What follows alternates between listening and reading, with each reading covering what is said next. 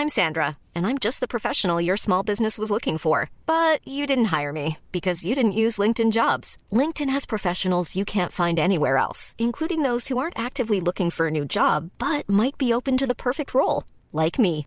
In a given month, over 70% of LinkedIn users don't visit other leading job sites. So if you're not looking on LinkedIn, you'll miss out on great candidates like Sandra. Start hiring professionals like a professional. Post your free job on linkedin.com/people today. You should celebrate yourself every day, but some days you should celebrate with jewelry. Whether you want to commemorate an unforgettable moment or just bring some added sparkle to your collection, Blue Nile can offer you expert guidance and a wide assortment of jewelry of the highest quality at the best price. Go to BlueNile.com today and experience the ease and convenience of shopping Blue Nile, the original online jeweler since 1999. That's BlueNile.com. BlueNile.com. Wow! Nice. Yeah! What you're hearing are the sounds of people everywhere putting on Bombas socks, underwear, and t-shirts made from absurdly soft materials that feel like plush clouds. Yeah, that plush. And the best part? For every item you purchase, Bombas donates another to someone facing homelessness. Bombas. Big comfort for everyone. Go to bombas.com slash ACAST and use code ACAST for 20% off your first purchase. That's bombas.com slash ACAST. Code ACAST. Hvor ble det av Indremisjonen og bøkene som preget 2019?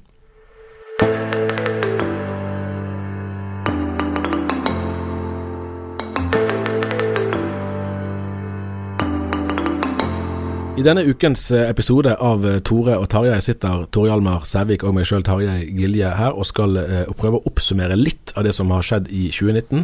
Men vi er jo stadig i øyeblikkets tyranni, så vi må begynne med å snakke litt om det som skjer denne uken. Ja, og samtidig så skal vi jo holde koken helt til nyttår, har vi tenkt, da. Vi skal vi- ja. Ja, og lenger enn nyttår òg. ja, ja. Ikke å ja, forglemme. Nei. Nei. Men eh, i dag, onsdag, er det altså eh, debatt i Stortinget om en hel rekke forslag knyttet til, til homopolitikk, hvis vi kan kalle det for det. Homoterapi og konverteringsterapi er vel det ordet som er brukt i, i forslagene. Og kjønnsforståelse. Vi må kunne si at her er det mye i spill. Blant annet ser vi vel blant annet på Arbeiderpartirepresentanter sine uttalelser at forholdet mellom religionsfrihet og ytringsfrihet, eh, er kanskje riktig å si, at det er ikke en gitt størrelse. Nei, der eh, er det eh, helt åpenbart eh, ting som, som Ja, debatter som vi langt på nær er, er ferdig med, da. Og vi hadde et intervju i dag med Anette Trettebergstuen som har stått ganske sentralt fra Arbeiderpartiets side, som går på, på spørsmål om forholdet mellom ytringsfrihet, trosfrihet og ikke-diskriminering. Som viser at eh, her eh, her er det jo et ganske sterkt spenningsfelt som vi, eh, som vi nok vil, eh, vil komme enda mer i berøring med. da. Det tror jeg vi kan være ganske sikre på. I morgen, torsdag, da er det valg i Storbritannia. Og Nå kunne vi ha snakket lenge om eh, flertallsvalg i enmannskretser, det skal vi ikke gjøre. Men Nei. vi kan konstatere at det ser ut for at Boris Johnson ikke blir, i hvert fall i første omgang, den kortest sittende statsministeren, som det kunne se ut for litt tidligere. Ja. Det er jo eh, flere årsaker til det, men, men eh, en viktig grunn er nok at Arbeiderpartiet har lagt seg veldig langt til venstre. Og Det har de prøvd på før, med uhell. Eh, det er blitt sagt om partiprogrammet fra valget i 1983 at det er fortsatt historien sitt lengste selvmordsbrev. Det er jo et veldig dramatisk utsagn, men det gikk fryktelig dårlig i det valget. Og eh, under eh, Jeremy Corbyn så har jo da eh, Labour lagt seg ja, langt lenger til venstre enn det de var under Tony Blair og Det kan være verdt å sjekke, faktisk. Jeg husker det når, når det ble klart at det var Corbyn som skulle bli den neste lederen. Så var Tony Blair ute og kommenterte det, og det var ikke måte på hvor mørkt han så på fremtiden under Corbyn sitt lederskap, at det ville virkelig parkere Arbeiderpartiet som en størrelse å regne med. Det har kanskje ikke gått fullt så ille som Blair varslet, men vi leser nå om at Corbyn er en historisk upopulær Arbeiderpartileder, så det virker jo ikke opplagt i hvert fall at dette er en eh, suksessoppskrift. Nei, og eh, der har vel eh, måtte den eh, ja, fristelsen til, å- til å, gå veldig langt i en retning. De har ofte en, eh, en slags pris, da, i den forstand at det er jo kampen om, om sentrumsvelgerne som ofte er det mest interessante i et valg. Sånn er det jo gjerne her òg. Men dette betyr jo faktisk at vi Altså Sannsynligheten for at det blir en eller annen form for brexit, har vel egentlig økt en god del nå? Det ser sånn ut, men hvordan det kommer til å se ut, det er jo det er det fortsatt vanskelig å forestille seg. Eh, jeg vet ikke om jeg har brukt den, det bildet her før, men jeg syns det, det, det, ble litt talende. Eh, det er farlig å si det når en har funnet på noe sjøl, iallfall tror en har funnet på det sjøl. Men jeg tenkte at det, et EU-medlemskap ser ut til å ha det felles med en Facebook-konto, at det er forholdsvis lett å skaffe seg, men det er veldig vanskelig å bli kvitt. ja da, vi skal ikke ta noe for gitt. Men, men i hvert fall at det kan bli et parlamentarisk flertall for å gjennomføre brexit det virker mer enn 50% sannsynlig. Ja, det ser sånn ut. Så får vi jo se hva det kan føre til. Ja. Det har òg vært eh, tildeling av Nobels eh, fredspris eh, denne uken til statsministeren i altså Etiopia må vel være på topp tre av altså, norske misjonsland av historisk betydning. Madagaskar og Kina hører vel med der. Ja. Men Etiopia er helt øvre sjiktet. Hadde ikke Misjonssambandet alene over 100 ansatte der i perioder? Det er ikke sånn mulig, men det, det er jo et svært, svært viktig land. Det interessant er hvordan fredsprisen på den ene siden er det en oppmuntring til, til uh, fredsprosesser som pågår, uh, men den er jo òg en sånn ansvarliggjøring av ledere der uh, fredsprosessene er utfordret. Fordi at den blir en sånn påminnelse. Ja, du har faktisk fått denne prisen. da må jo det skje noe. Ja. Det var en diskusjon så Jeg var i danske Kristelige Dagbladet, jeg så det nå, at den fyller 100 år i år eh, Nobels fredspris. Eh, og en kan jo diskutere hvor mye fred som egentlig er blitt skapt av eh, å dele den ut, og det vil jo variere hvor godt en har truffet med, med no, Noen ganger er det jo intensjoner som blir eh, belønna. Eh, de kritiske vil jo kanskje ikke minst si det om prisen til Barack Obama, at den kom veldig tidlig. Mm. Uh, altså Han hadde intensjoner, men, en kan lure på i hvor stor grad de ble realisert. Og også i andre tilfeller blir det et spørsmål om en skal eh, eh, hedre folk som slutter å gjøre ting de aldri burde gjort. At en dermed fortjener å bli en, en fredsprisvinner. Sånn. Så, så, så, det er jo et eh, Det illustrerer jo noe av det eh, komplekse og, og ja, eh, mange dilemmaer en går inn i da, når en skal, skal hedre politisk virksomhet. For er, jo, det er jo litt som Otto von Bismarck uttrykte det, at den som visste hvordan pølse og politikk ble til, han mistet nattesøvn for resten av livet. Det ligger mye i det utsagnet der, for å si det sånn. Du, Jeg gleder meg til å snakke om uh, årets bøker, men først så skal vi en tur til Sunnmøre. Vi var jo der sammen uh, litt tidligere i høst, men da var det en historie vi ikke fortalte, og det var fordi at den ville du gjerne gå litt dypere inn i. Og det har du nå gjort, i form av en sak, først en sak som sto på lørdag, uh, over en fire-fem sider, hva det var for noe, og så et par saker nå i uken som, som vi nå er ca. midtveis i. Si litt om dette. Stemmer. Eh, bak ei eh, tilsynelatende kjedelig og, og, rutinemessig sak, så kan, eh, kan, det skjule seg en mer interessant fortelling. Og når jeg i utgangspunktet sier Ørsta bedehus fyller 50 år, så eh, vil jo det kanskje i mange sine øyne høres ut som en notis i dagen. Men etter mitt skjønn så lå det noe mer her, og det handler jo litt om Hvis en er sunnmøring og, og kjenner dette landskapet litt, så er jo uh, Ørsta Berus, eh, som var bygd i 1969, ganske uvanlig sånn rent eh, i, i si utforming. Det, det, er ganske svært. Det er plass til iallfall 500 mennesker inne. Jeg fikk høre når jeg var at det hadde vært 1200 mennesker på et møte der, eh, kanskje rundt 1970. Eh, Beruskristendommen har stått veldig sterkt der, og har ja, det har vært et område med haugiansk preg. Der er jo bl.a. et av de tidligste kjente norske misjonskvinnene. Eh, som, eh, som, Berthe Kanutte Aarflot, som var eh, haugianer og skrev flere salmer og ble eh, veldig kjent i sin samtid, første halvdel av 1800-tallet. Som eh, Ja, de, de har hatt en veldig sånn en sterk tradisjon der. Og bedehuset står jo fortsatt, og der er aktivitet og sånn, men, men eh, størrelsen er jo, eller omfanget er jo noe helt annet enn det det var. Ja, for I dette perspektivet er jo det med 50-årsjubileet viktig. at Hvis det var 150 eller 250, så er det jo ikke så overraskende at noe som en gang var stort og omfangsrikt, har altså forholdet endret seg, og nå er kanskje engasjementet kanalisert andre veier. 50 år i denne sammenhengen er ikke så lenge, og kontrasten til det monumentale bygget dette er i lokalmiljøet, eh, og det kraftig reduserte aktivitetsnivået eh, sier vel en god del om samfunnsendringer, både og det, det, blir jo fortalt litt om i, i sakene du har skrevet, sant? om de indre endringene i form av det ble for høyt aktivitetsnivå på bedehuset når, skulle, når begge skulle jobbe og man skulle fylle opp barna på idrett og andre fritidsaktiviteter. Samtidig som, som mange har opplevd at det ble for trangt. Man klarte ikke å finne seg til rette på bedehuset etter hvert som man ble voksen og fikk kanskje andre erfaringer og andre impulser. Så var det mange som søkte seg vekk fra bedehuset.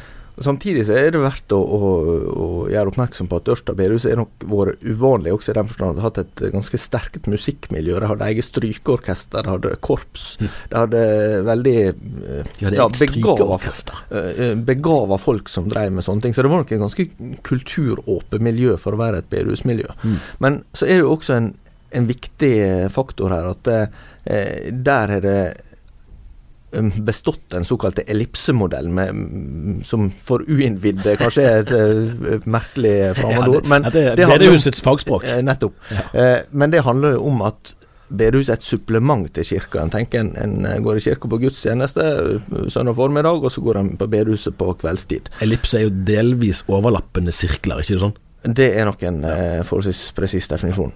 og um, der en en del andre plasser i bedehusland har satsa mer selvstendig på forsamlingsbygging, så Ørsta er et eksempel på en plass der en har tenkt samvirke mellom kirke og, og bedehus.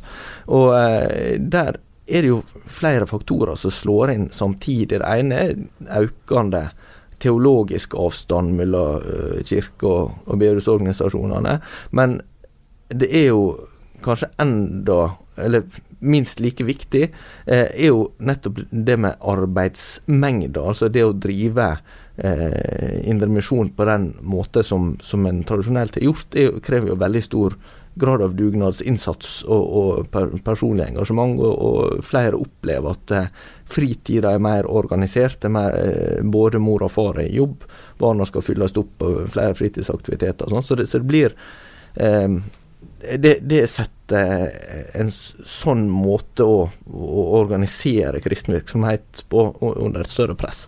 Så kan man jo si at eh, på en måte er det tankekors noen steder at over tid, da, eh, når man har denne dette samvirket, forståelsen av at kirken er noe og bedehuset er noe, og man vil gjerne benytte seg av begge deler, at, eh, at når da bedehuset blir svekket, så kan det tyde på at det er kirken som er mest slitesterk. Men så kan det jo hende sannheten egentlig er at det er begge parter som har tapt.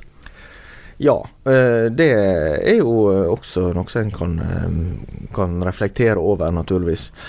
Og, og, her blir jo det et, et spørsmål om, om trender som foregår samtidig. Jeg intervjuer bl.a. En som heter Gunnar Stave, som var rektor ved Høgskolen i Volda, som vokste opp på Ørsta bedehus. Far hans var leder i byggenemnda. Eh, og eh, Stave sjøl utdanna seg til eh, sosiolog, og jobba også med religionssosiologi. Og han analyserer dette her litt i ja, en, kombinasjon av, av de samfunnstrendene som vi, vi, ser, og som alle blir prega av, og samtidig eh, si, åndstrender eller eh, sekularisering som, som, også vil prege eh, samfunn og hvordan, hvordan, det er organisert. Eh, sånn sett så syns jeg det også var ganske tankevekkende. Jeg gjorde ikke noe poeng av i eh, den reportasjen jeg skrev fra Ørsta, men når pride eh, nådde bygda, så var det i Ørsta og Volda det skjedde først. Eh, og, og, det er jo kanskje også et tidsbilde på, mm. Eh, på ganske store kulturelle endringer. Dette er dyptgripende trender som det er vanskelig å få full oversikt over. og Ikke minst er det jo vanskelig å fastslå årsaksforholdene. Eh, der er vi jo kanskje for nært i både tid og rom så å si, til at vi egentlig kan gi sikre svar på det. Men det er i hvert fall eh, interessant synes jeg, å reflektere over hva vi kan observere, og prøve å forstå det i en, i en sammenheng.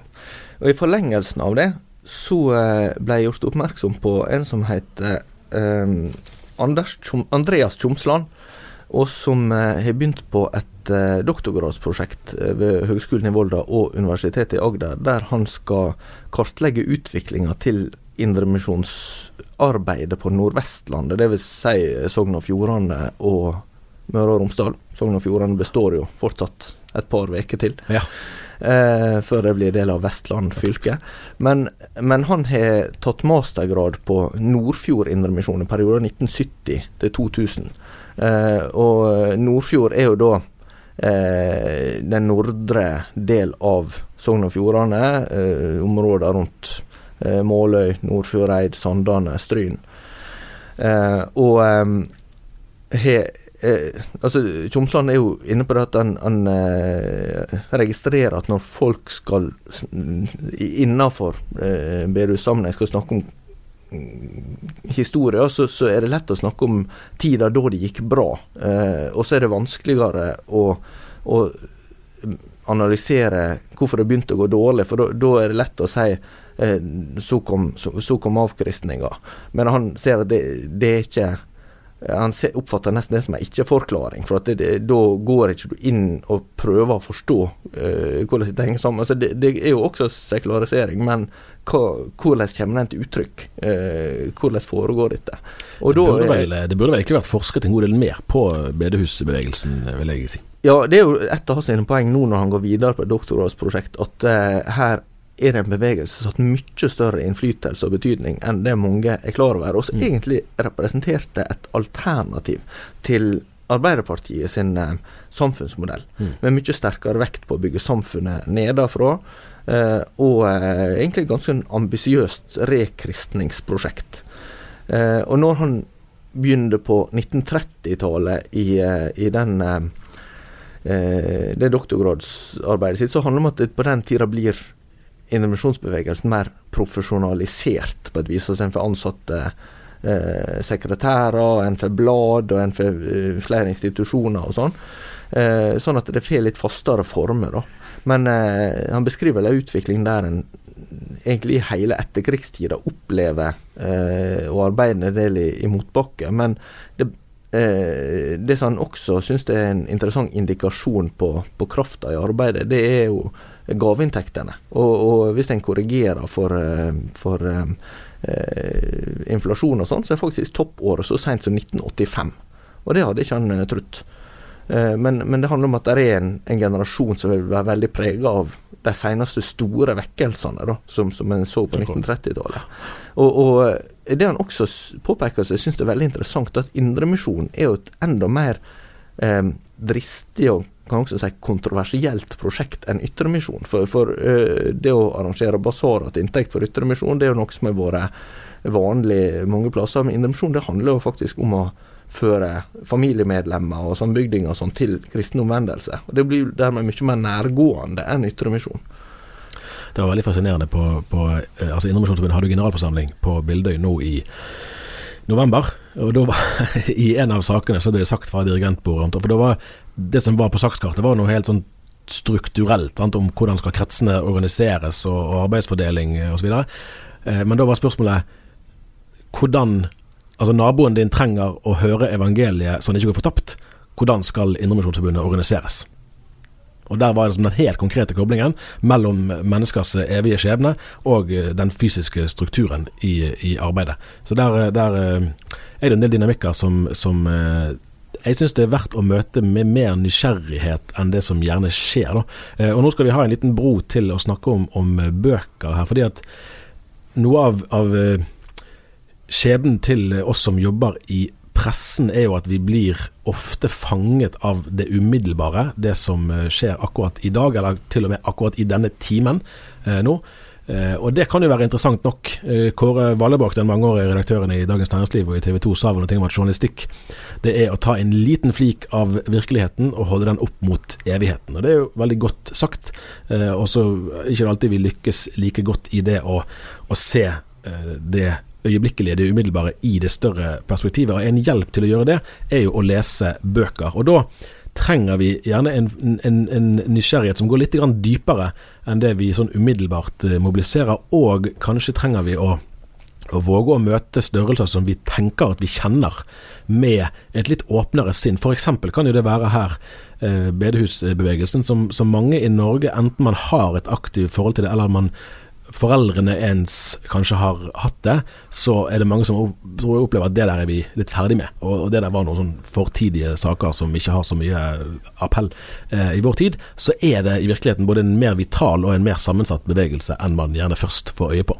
Vi fikk jo et ferskt eksempel på dette denne veka da TV 2 eh, lanserte en eh, ny episode, eller kom med en ny episode i sin serie 'Norge bak fasaden', som eh, hadde fått eh, tittelen 'I Guds navn', og som skulle handle om, om eh, lukka kristne eh, menigheter.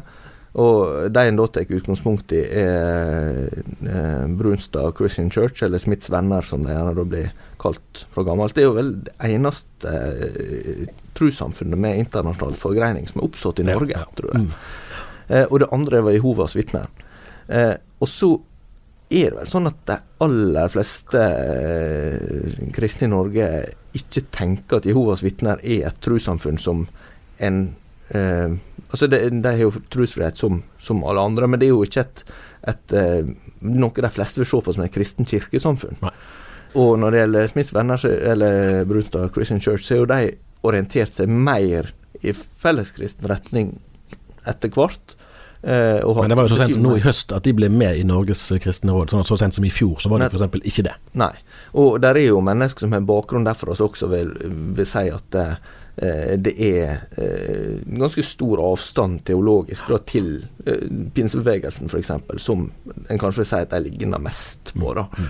Eh, men, men dermed så, så blir en jo eh, igjen oppmerksom på at kunnskapen om eh, det religiøse Norge, den er jo ikke alltid så veldig stor, heller ikke blant de som skal fortelle oss om det gjennom media. Nei, Nei det, må, det tror jeg vi bare må, må eh, ta høyde for. At vi, vi, eh, vi er i et samfunn der, der kunnskapen om, om eh, kristen tro er begrenset, og kanskje særlig her. Det, altså det å forstå Det er jo ærlig talt mange som har gått til kirke gjennom hele sitt liv, som òg strever med å plassere de ulike organisasjonene og, kirkesamfunnene i forhold til hverandre. og Det er ikke så vanskelig å forstå alltid, for det kan være ganske innfløkte eh, skiller eh, som gjør seg gjeldende, men som har hatt stor betydning i, i eh, fortiden.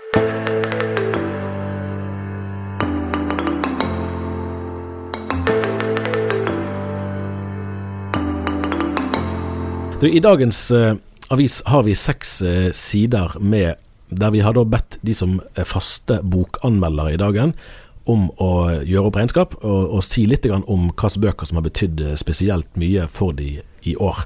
Eh, De sidene Vi gjør dette i desember hvert år, og, og det syns jeg det er veldig kjekt å jobbe med. Det er jo kanskje de, Av alt vi trykker i avisen, så er jo kanskje dette de sidene som det ligger flest timer med arbeid bak.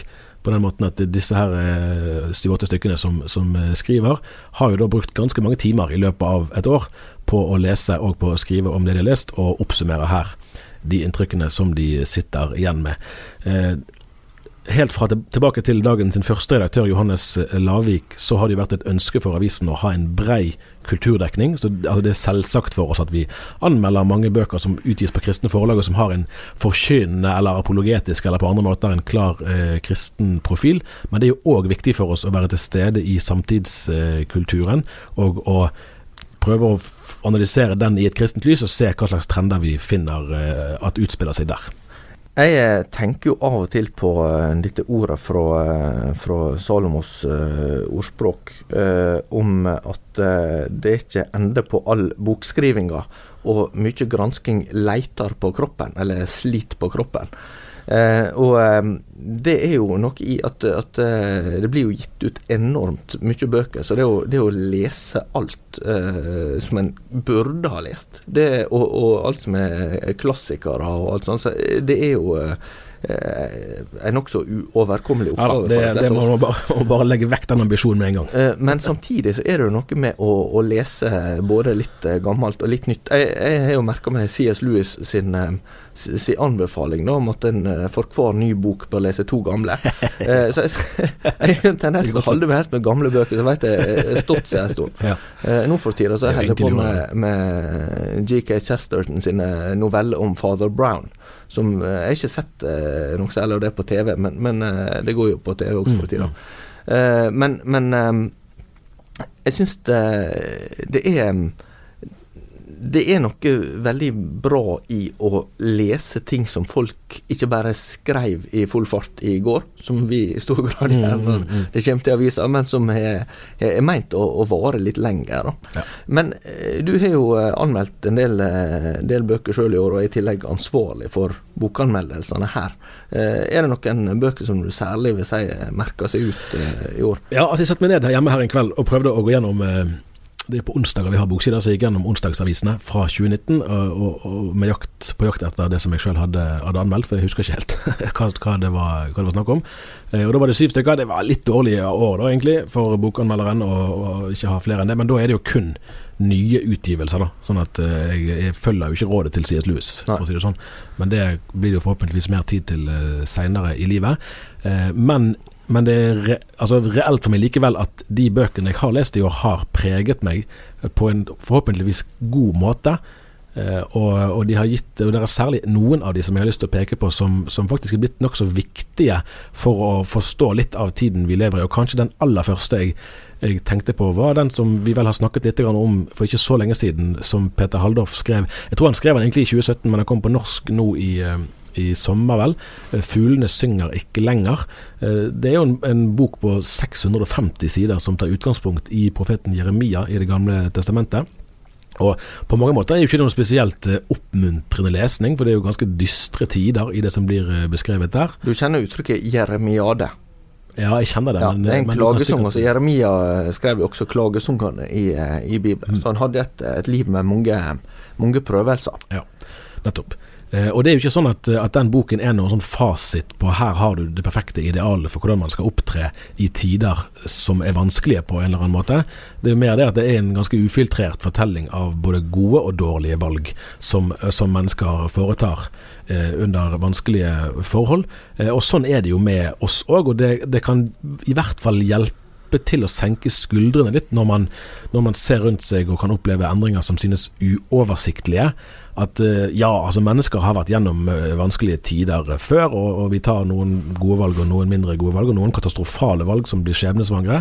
Men så må vi søke Gud og be om visdom og arbeide hardt og gjøre det vi kan, og, og ta, bruke vårt beste skjønn og ta de valgene som vi tror er gode. Og så vet ingen av oss hvordan ettertiden vil dømme oss, men det får bli opp til ettertiden å gjøre det. Og så eh, Ja, eh, Haldorf er jo vår gjest i, eh, i vår podkast, så det går jo an å, eh, leite i arkivet for den som måtte være, være interessert og ikke, ennå ikke har hørt eh, det intervjuet. Mm. Men eh, vi har også hatt et par andre gjester som har skrevet bøker. Ja, eh, en av de andre vi har hatt en sånn lengre samtale med, var jo Torbjørg Oline Nylig, som er pastor i Ytre Randesund misjonskirke, og som eh, var ute med sin andre bok. Den kom vel nå i november, 'Generasjon eh, savnet'. Eh, Jeg har vel sagt det et par ganger at av de menneskene jeg møtte i år for første gang, så, eh, så er vel hun en av de som jeg var aller mest imponert av. Eh, Blant annet i det at hun, at hun evner å se ting fra flere sider. Det kan jo høres selvsagt ut, men det er det jo på ingen som helst måte. Og der man kan vel si om både lavkirkeligheten og frikirkeligheten at man, man kanskje særlig det er en kritikk som har rammet bedehuset, da rettferdig eller urettferdig, at, at det begynte som en radikal bevegelse, men har etter hvert blitt en mer konservativ bevegelse i den grad at man har blitt opptatt av å bevare sin egen tradisjon.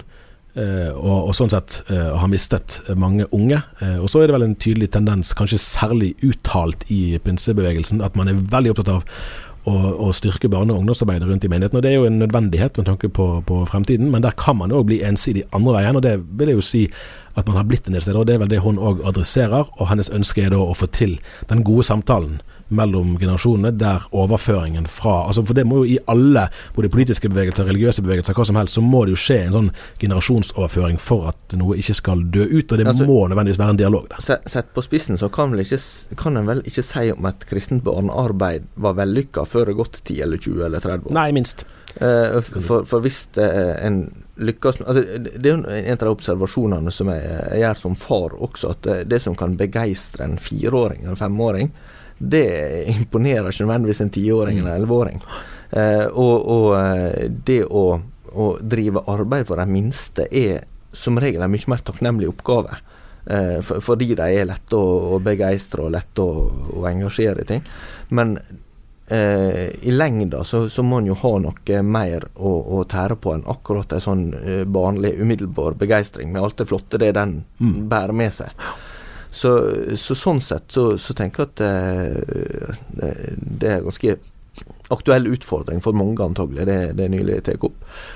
Og det er jo også ganske tankevekkende når eh, mennesker kan forsvinne ut av det kristne fellesskapet ved alle overganger i livet. Altså, Det er jo alltid sånn at en, en, kan, en kan, forsvinne ut, men, men, eh, men, særlig overganger, flytting, sånne ting, er, er særlig utfordrende. Ja, Han skriver det rett ut at det er jo like tragisk, det er jo naturlig, eh, og selvsagt for så vidt, altså det er like tragisk når en 65-åring forlater menigheten som når en 15- eller 16-åring gjør det, og begge deler skjer jo. Ja.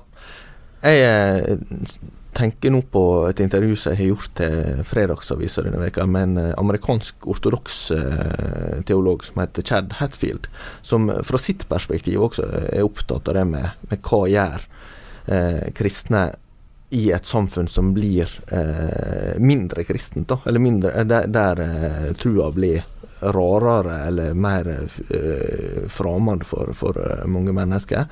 Og han er jo veldig opptatt av det med tilbedelse. Altså, vi er jo um, um, som Altså, det kjennetegnet ved en, en kristen er at en, en tilber Gud. At, en, at, en he, he, at Gud er en en, bøyer seg for. Uh, og um, det er jo blitt sagt sånn sett på spissen at uh, det som skiller mennesket fra dyra, det er bordverset. Mm. Uh, hvis en ikke, ikke, takker for Altså Det, det, det tar ganske mye opp i seg da, om, om vi takker for, for mat eller ikke. For da, det handler både om hva perspektiv vi har på det livet vi lever, og mm. på, på eh, de gavene vi får. Eh, men eh, det er jo også andre Vi har jo flere andre eksterne bokmeldere som, som skriver om bokåret som har gått. Er det andre bøker som særlig ja, har fått oppmerksomhet eller gjort inntrykk på det? Ja, altså Noen av de som, som, som, blir tydeligst eller mest omtalt i avisen i dag, er jo en som handler om, om hvordan vi tar oss av tiggerne. Eh, Guri Riksåsen skrev den. Den kom ut på Vårt Land forlag eh, for ganske kort tid siden. Eh, og Der, der trekker jo anmelderen paralleller til den pågående saken med Arne Viste, og særlig Gunnar Stålseth og denne vaskehjelpen hans. Det er jo en politisk sak som er høyaktuell. Så er det jo òg en tendens i senere årene, selv om det ikke er helt nytt, men at styrking av tendensen i senere årene til at apologitikk, trosforsvar, blir viktig for flere. Det tror jeg vi kan forstå som et resultat både av indre press og ytre press, at særlig unge kristne eh, har behov for å vite med seg sjøl at de er i stand til å gjøre rede for det de tror på, at ikke det bare er en sånn subjektiv opplevelse langt der inne som man egentlig ikke kan, kan sette ord på på en meningsfull uh, måte. Uh, så er det interessant. Altså, jeg, jeg, vil bare skyte inn der. Jeg møtte jo i Kristiansand en uh, australsk forfatter som kom på norsk i år, som heter John Dixon. Ja, Dixon med CK. Mm. og han var inne på det med, med å Han skriver jo om trosforsvar, som er liksom ja, både, Han er doktorgrad i historie, vel, tror jeg, fra Oxford University. Uh, men, men uh, han Vi var bl.a. inne på det med å ha tilstrekkelig kunnskap til, til å forsvare den kristne tro. At mange kan oppleve at det er en overveldende mm, oppgave å skulle vite alt en burde vite. og da var han inne på at det, det, det handler ikke bare om å ha the knowledge of your convictions, altså ha kunnskapen som ligger til grunn for den overbevisninga du har, men også to have the love of your convictions. Ja. Eh, altså å, å, forsvare trua på en måte som som djupest sett handler om å elske Gud og elske medmennesker sine. Og Det syns jeg egentlig var et litt sånn tankevekkende perspektiv, for det, for det handler jo eh, eh, Til sjuende og sist er det ikke sikkert at, at det å ha dem Det er viktig å ha gode argument, men, men jeg tror at det er relativt få som eh, utelukkende, eller kanskje til og med først og fremst, ikke intellektuell tilnærming til det å åpne seg for kristen tro. Ja. Det, det, kan være ja. viktig å rydde vekk de ja. Eh, motforestillingene, men det er ikke sikkert at det er hele bildet akkurat. Nei, og Kanskje kan vi si at, eh, at 2019 eh, på mange måter står som et år der i hvert fall mange tradisjonelle eller klassiske konservative eh, kristne, hvilken merkelapp man nå vil bruke, opplever at dette var et år der, der trykk trykket fra storsamfunnet tiltok i styrke. Ikke så veldig forskjellig fra 2018 og 2017 kanskje, men likevel at det var en økning. Eh, kanskje, eh, hvis vi kan være såpass frimodige og håpe at, eh, at 2020 blir et år med en fornyet frimodighet på den kristne tros vegne, selv om det kan bli kampfylt, og kanskje mer intenst kampfylt enn det har vært, men likevel at, at den kristne tro får blomstre midt i en sekularisert virkelighet. Vi er tilbake neste uke. Kanskje med en gjest, kanskje ikke. Det er godt mulig vi har en gjest. Ja, vi. Jeg tror det. Ja. Eh, og så vil vi igjen bare oppfordre deg til å eh, ta kontakt på eh, mail. tarjei.krøllalfa.dagen.no eller tore.krøllalfa.dagen.no. Eller eh, gi oss ei tilbakemelding i iTunes hvis du hører på oss der. Så setter vi stor pris på det. Så ønsker vi alle ei god adventsveke videre.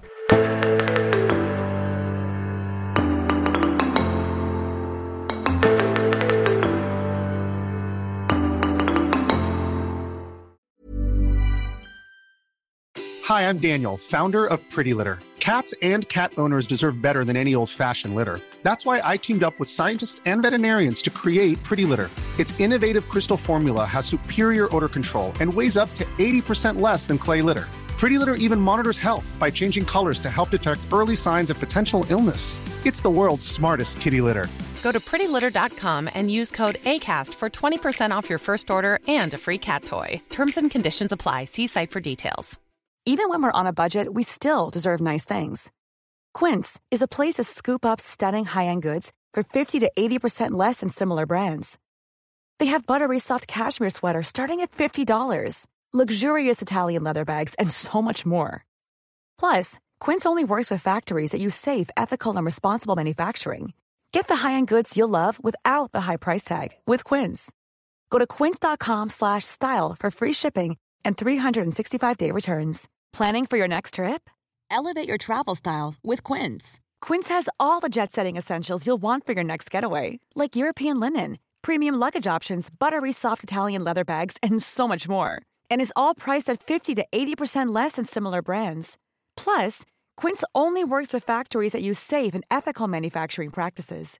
Pack your bags with high-quality essentials you'll be wearing for vacations to come with Quince. Go to quince.com slash pack for free shipping and 365-day returns.